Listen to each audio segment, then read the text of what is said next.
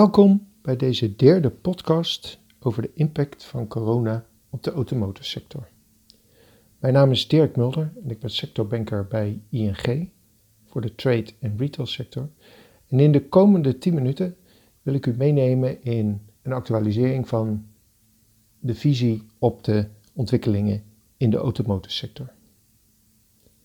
Een slooppremie voor oude auto's staat in Europa weer volop in de aandacht door de coronacrisis. Brancheorganisaties van de hard getroffen auto-industrie roepen overheden op subsidies te verstrekken aan kopers van nieuwe, schonere auto's als zij daarvoor een oude, vervuilende laten slopen. In Nederland ziet BOVAG heil in de terugkeer van deze regeling. Dinsdag pleit een coalitie van Europese autobrancheorganisaties aangevoerd door de machtige Europese autolobby ACEA, in een oproep aan Brussel voor een uniform vernieuwingsprogramma voor voertuigen. Er is al brede steun vanuit overheden, veelal door de salarissen van inactief personeel over te nemen. Maar terwijl veel autofabrikanten bij overheden aandringen op steunmaatregelen, zoals de eerder genoemde aankoopsubsidies, willen zij komend kwartaal veel miljarden aan dividend uitkeren. Het strooien met dividenden leidt bij politici tot onbegrip. De industrie worstelt al langer met tegenvallende resultaten. De winstmarges staan onder druk door concurrentie van nieuwkomers zoals Tesla en miljarden investeringen in nieuwe, voornamelijk elektrische auto's. Vervolgens kwam de coronacrisis. ACA raamt dat er 2,3 miljoen auto's minder zijn geproduceerd door fabrieksluitingen en personeelsuitval. De Duitse autodeskundige Ferdinand Dudenhöfer voorspelde dat de verkoop van auto's door de coronapandemie en de daarmee gepaardgaande economische neergang in 2020 wereldwijd met 18% zal dalen. In de Verenigde Staten en Duitsland zal dat percentage met 20% nog iets hoger uitkomen. De coronacrisis legt het enorme probleem van de ketenafhankelijkheid in de industrie bloot. De grote fabrieken zetten auto's in elkaar met onderdelen die afkomstig zijn van wereldwijde toeleveranciers. Om kosten te besparen wordt een minimale voorraad aangehouden.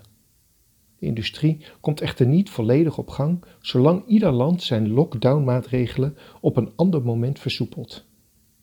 Als bijvoorbeeld de Italiaanse fabriek voor brandstofpompen al open is, maar de Franse stoelenfabriek niet, kan geen complete auto worden gemaakt. Deze stagnerende toelevering lijkt vooralsnog niet voor problemen te zorgen bij Nederlandse dealers, aangezien ook de vraag is afgenomen. Hoe is nu die situatie in Nederland? De impact van de coronacrisis is in april sterker zichtbaar geworden. Het aantal registraties van nieuwe auto's daalde maar liefst 53% Door de reguliere levertermijn werkt een lager aantal bestellingen vertraagd door in het op kenteken stellen. Het effect van de duikeling van het consumentenvertrouwen in april is daarom nu sterker merkbaar. Consumenten kunnen vaak nog wel even doorrijden in hun bestaande auto en stellen vervanging uit. Ook het thuisblijven heeft zijn effect gehad op de verkoop. Hoewel dit de belangrijkste reden van de daling zijn, speelt er meer. Door tijdelijke sluiting van productielocaties van autofabrikanten vanaf half maart zijn de levertijden van nieuwe auto's ook opgelopen. Ook dit heeft tot minder registraties geleid. Begin mei hebben de meeste merken de productie weer opgestart. Veel van de overwegend zakelijke, maar ook particuliere kopers moeten hierdoor langer wachten op een nieuwe auto. Na de verkoopstijgingen in januari en februari viel de verkoop van tweedehands auto's de autobedrijven aan consumenten in maart met 12% terug. In april volgde een daling van 23%.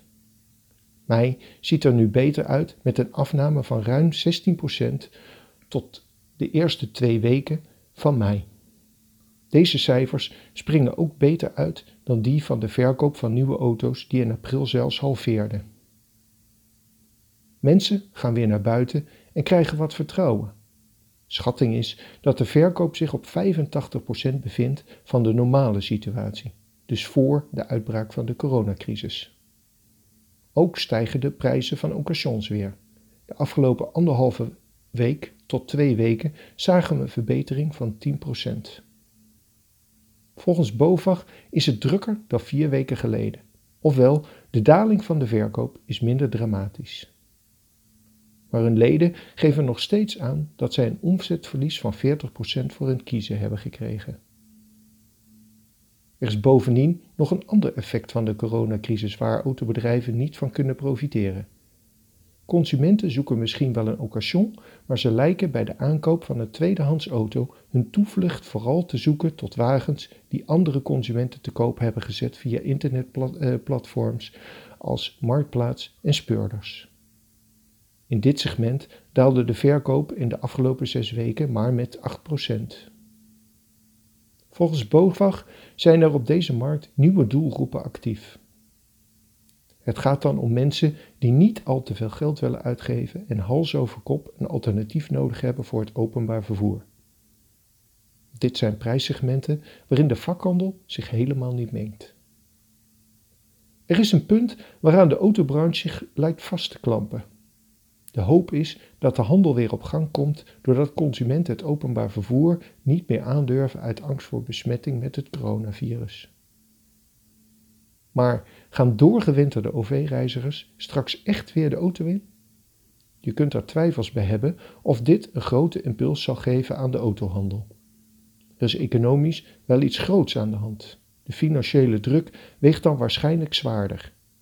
Of je nog werk hebt in plaats van dat je denkt aan de aankopen van een auto. In die optiek is het waarschijnlijker dat consumenten wachtgedrag zullen vertonen omdat zij zien dat de prijzen dalen door de oplopende autovoorraden. Dan bereik je op een gegeven moment een bodem en daarna trekt de vraag weer aan. Het in kaart brengen van de gevolgen op lange termijn is echt koffiedik kijken. Onderzoeken moeten uitwijzen wat de anderhalve meter samenleving betekent voor de vraag naar mobiliteit. Vragen daarbij zijn Hoeveel bedrijven nemen afscheid van leaseauto's die ongebruikt voor de deur staan nu thuiswerken voorlopig de norm blijft? Schaffen werknemers die hun zakelijke auto moeten inleveren een eigen auto aan? En hoeveel automobilisten nemen noodgedwongen afscheid van wat luxe? Dank voor uw aandacht. Voor meer informatie verwijs ik u naar de site ing.nl of u kunt mij bellen op 06 11 380 971 of via mail dirk.mulder.ing.com. Dank voor het luisteren.